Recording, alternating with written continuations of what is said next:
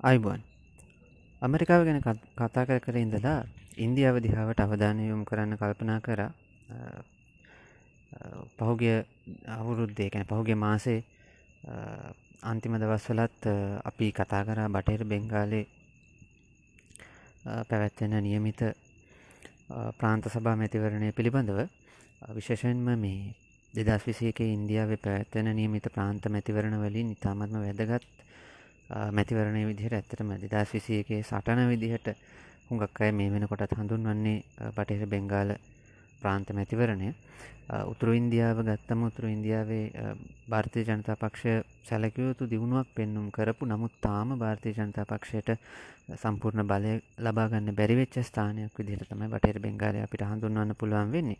විශේෂෙන්ම මමතා බෙනර්ජී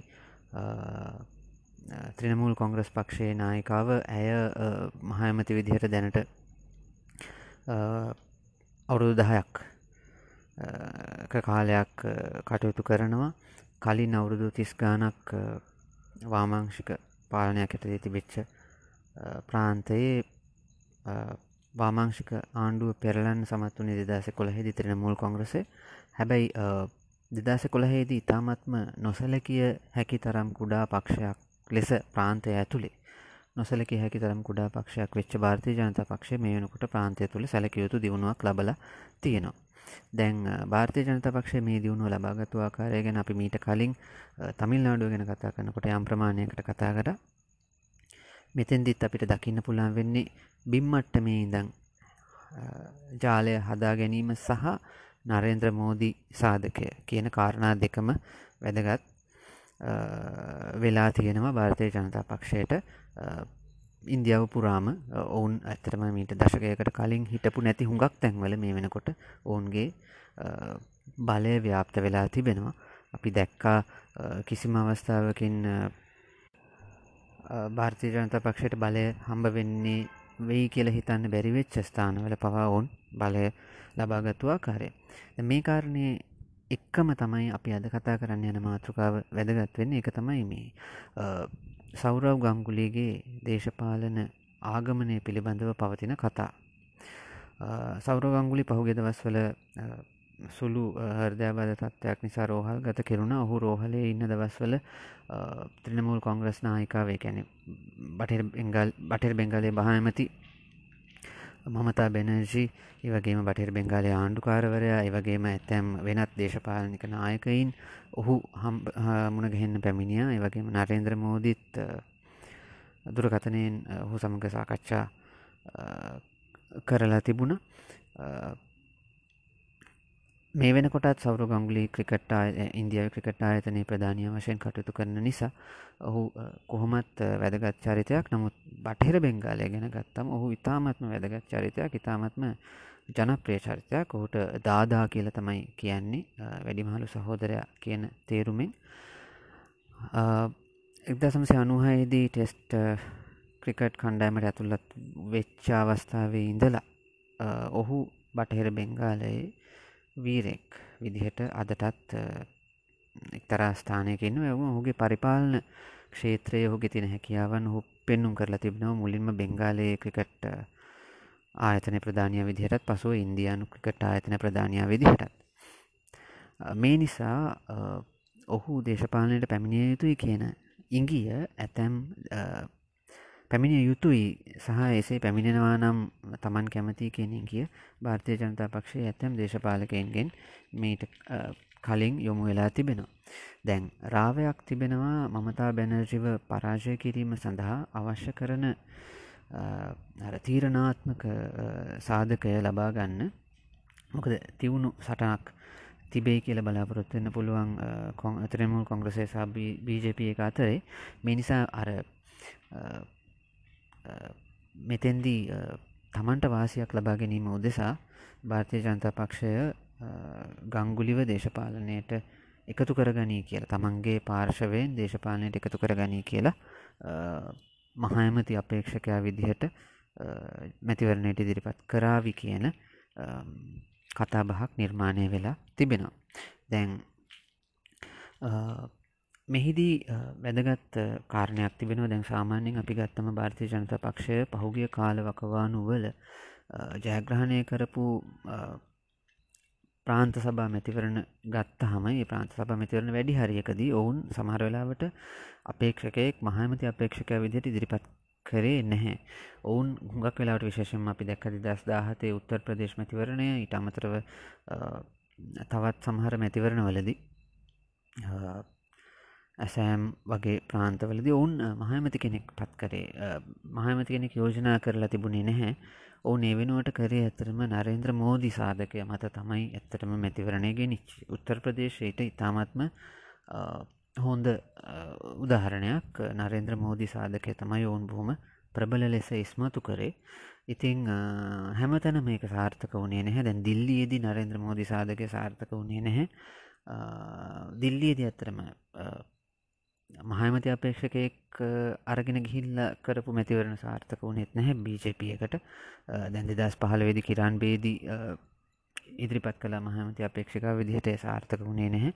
එයින් කොහමහරි උත්තර ප්‍රදේශකත්තම උත්තර ප්‍රදේශවල සමහර ප්‍රදේශවල ඇත්ත වශයෙන්ම නරේන්ද්‍ර මෝදි සාධකය මත තමයි මැතිවරණය ගෙනනිච්චේ මෙහෙම එහෙම කිවට දැන් එකන උත්තර ප්‍රදේශවල බිම්මට්ටමින් ලොකු සංවිධානයක් බිජපිය ගොඩ නැගුව. අවුරුදු ගන්නාවක් තිස්සේ ඕනේ සඳහා මහන්සි වුණා.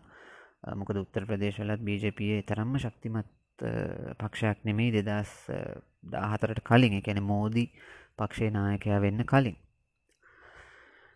ඉතිං මෝදි සාධක ඇත එක්ක බිම්මට්ට මේ ඉඳං ක්‍රියාත්මක වීම තමයි ඇත්ත වශයෙන්ම උත්තර ප්‍රදේශවලදිත් තවත් ප්‍රාන්තවලදිත් වැදගත් වුණේ. සමහර ප්‍රාන්තවලදී මේ ගොල්ලු මහමති අපේක්ෂකයෙක් නම් කරලා චන්දට අන්ඩ සිද්ධ වන මොක ඒ වෙනකොටත් බජප එක ආණ්ඩු තමයි තිබුණේ.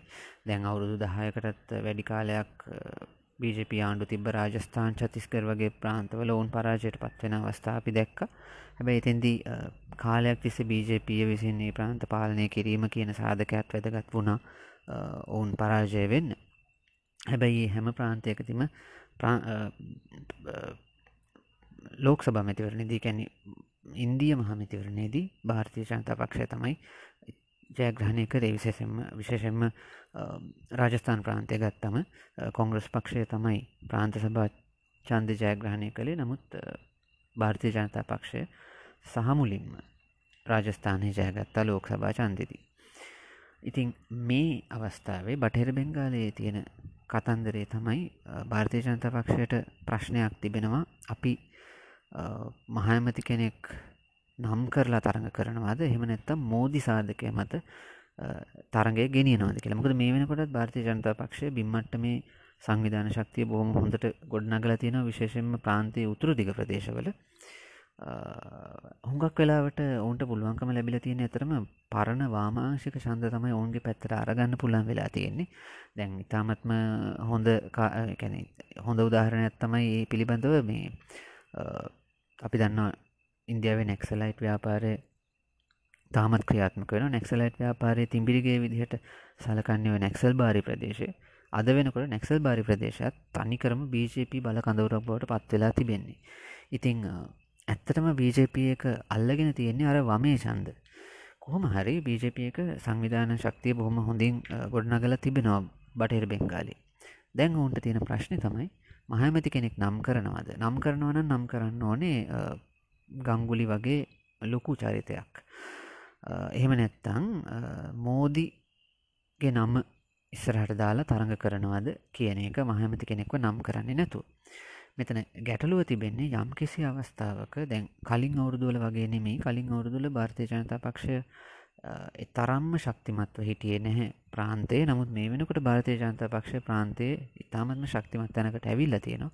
එනිසා කලින් වතාවල්ල මමතා බැනර්ජයට භාර්තය ජනතා පක්ෂයෙන් තර්ජන ඇතිබෙන මේ වතාව මමතා බැනර්ජයට තර්ජනය තියෙන භාර්තය ජනතා පක්ෂය එතකොට මෝදිගේ නම ඉස්සරට දාගෙන ගියෝතින් මෝදි එදිරිව මමතා බැනර්ජි විදිහට තරගයක් තිබිලා එයින් මමතා බැනර්ජි ජයග්‍රහණය කරොත් එය මෝදිට මෝදිගේ නමට එච්චර හොඳ මෝදිගේ කීර්තිනාමයට එච්චර හොඳ කාරණයක් වෙන්නේ නෑ. ඒ අවදානම මෝදි ගන්නවාද කියන කාරණය තියෙනවා. අනික් පැත්තට මහමති කෙනෙක්ව නම් කරලා තරඟ කළොත් පහුගිය කාලේ භාර්තය ජනතා පක්ෂය ඒ විදිහට කරපු චන්ද කිහිපයක්ම අසාර්ථක වෙච්ච නිසා ඒ උපක්‍රමය සාර්ථක වේද කියන බයක් තියෙනවා. ඉතින් එකම දේ තියෙන්නේ ගංගුලි වගේ චරිතයක් ගේන්න පුළුවන් වුණොත් තමයි ඒ වගේ උපක්‍රමයක් සාර්ථක වෙන්න පුළුවන් වෙන්නේ. හැබැයි ගංගුලි වගේ චරිතයක් ගේන එක පිළිබඳව වෙනම ප්‍රශ්නයක් තියෙනවා. මොකද ත්‍රිනමූල් කොංග්‍රසය ගංගුලිත් එක්ක බොහොම හොඳ සම්බන්ධකම් පවත්වාගෙන යනවා. ඒ වගේම බෙන්ගාලයේ සැලකියයුතු පිරිසක් විරුද්ධයි ගංගුලි දේශපාලනයට එනවට. ඒ සාධකත් මෙහිදි වැදගත් වෙනවා ත්‍රනමූල් කොංග්‍රසය බලාපොරොත්තු වෙන්නේ අන්න ඒ සාධකය පාවිච්චි කළ ගංගුලි දේශපාලනයට එන එක නවත්වන්න භාර්තය ජනත පක්ෂ උත්සා කරන්න කොහමහරි ගංගුලිව දේශපාලනයට ගේන්න හෝ මෝදි ඉස්සරහට දාලා තරඟ කරන්න. ඇතරම තාම හරියට පැහැදිලි නැහැ භාරතය ජනත පක්ෂයේ උපක්‍රමය මොකක් වේද කියලා. සමහරයට භාරතය ජනත පක්ෂයත් මේ වෙනකං ඔවුන්ගේ අවසන් උපක්‍රමය මොකක්ද කියන එක හරියටම තීන්දු කරලා නැතිවෙන්න පුළුවන්. අනි පැත්තට ගංගුලිගේ තීරණය මත ඔවුන්ගේ තීන්දුව වෙනස් වෙන්න පුළුවන්. ඉතින් යනු දැන් හුඟක් දෙනාගේ අවධානය යොමු වෙලා තියෙනවා. සෞරව ගංගුලි මොකක් කරයිද කියන එක දේශපාලනයට එයිද? එහෙම නැත්තම් ඔහු යන විදිහට ඔහුගේ කටයුතු කරගෙන යයිද? කියන එක. ඉතිං කොටින්ම කිවොත් භාරතය ජනතා පක්ෂයේ මැතිවරණ උපක්‍රම වලට ගංගුලිකි තීරණය පැහැදිලිව බලපාන බවක් තමයි පෙනෙන්න තිබෙන්නේ. ඉතිං ගංගුලිය ඔහුගේ හර්දය බලත්වෙන් සුවාතට පත්වෙලා දැන් ඉදිරි දවස්වල විවේකීව ගත කරාවි සමහර විට කිසිමාකාරයක ඔහු කිසිමාකාරයක අදහසක් දක්වලා නැහැ තමන් දේශපාලනයට පැමිණීම පිළිබඳව. එනිසා තවටික කාලයක් බලන් ඉන්නකොට පැහැදිලි වෙයි කොයි පැත්තටද කාරණය හැරෙන්නේ කියලා. ඉතිං ඒ අනුව ඉස්සරහට මොනාද වෙන්න කියන අපිට බලාගන්න පුළන් බැරි වෙලා හරි ගංගුලි තරඟ කරන්න ඉදිරිපත් වන්නත් භාර්තය ජනතා පක්ෂය පැත්තෙන් මැයි මාසිද ඉතාමත්ම උද්‍යෝග කර උද්වේග කර සහ මේ උද්‍යෝගිමත් මැතිවරණයක් උද්‍යෝගිමත් භාවේ දෙගුණ තෙගුණ වූ මැතිවරණයක් බලාපොරොත්තු වෙන්න පුළුවන්. කොහොමටත් උද්‍යෝගිමත් මැතිවරණයක් පැවැත්වෙයි බටහිර බෙංගාලි ඒ උද්‍යෝගිමත් භාවය දෙගුණ තෙගුණ වෙන්න හේතු වෙනවා. ගංගුලි බැරිවෙලා හරි දේශපානයට ආවොත්. ඉතිං අපි බලාගෙනීමු අදට එපමණයි. නැවත හමුවෙනකම් හැමෝටම ජයවේවා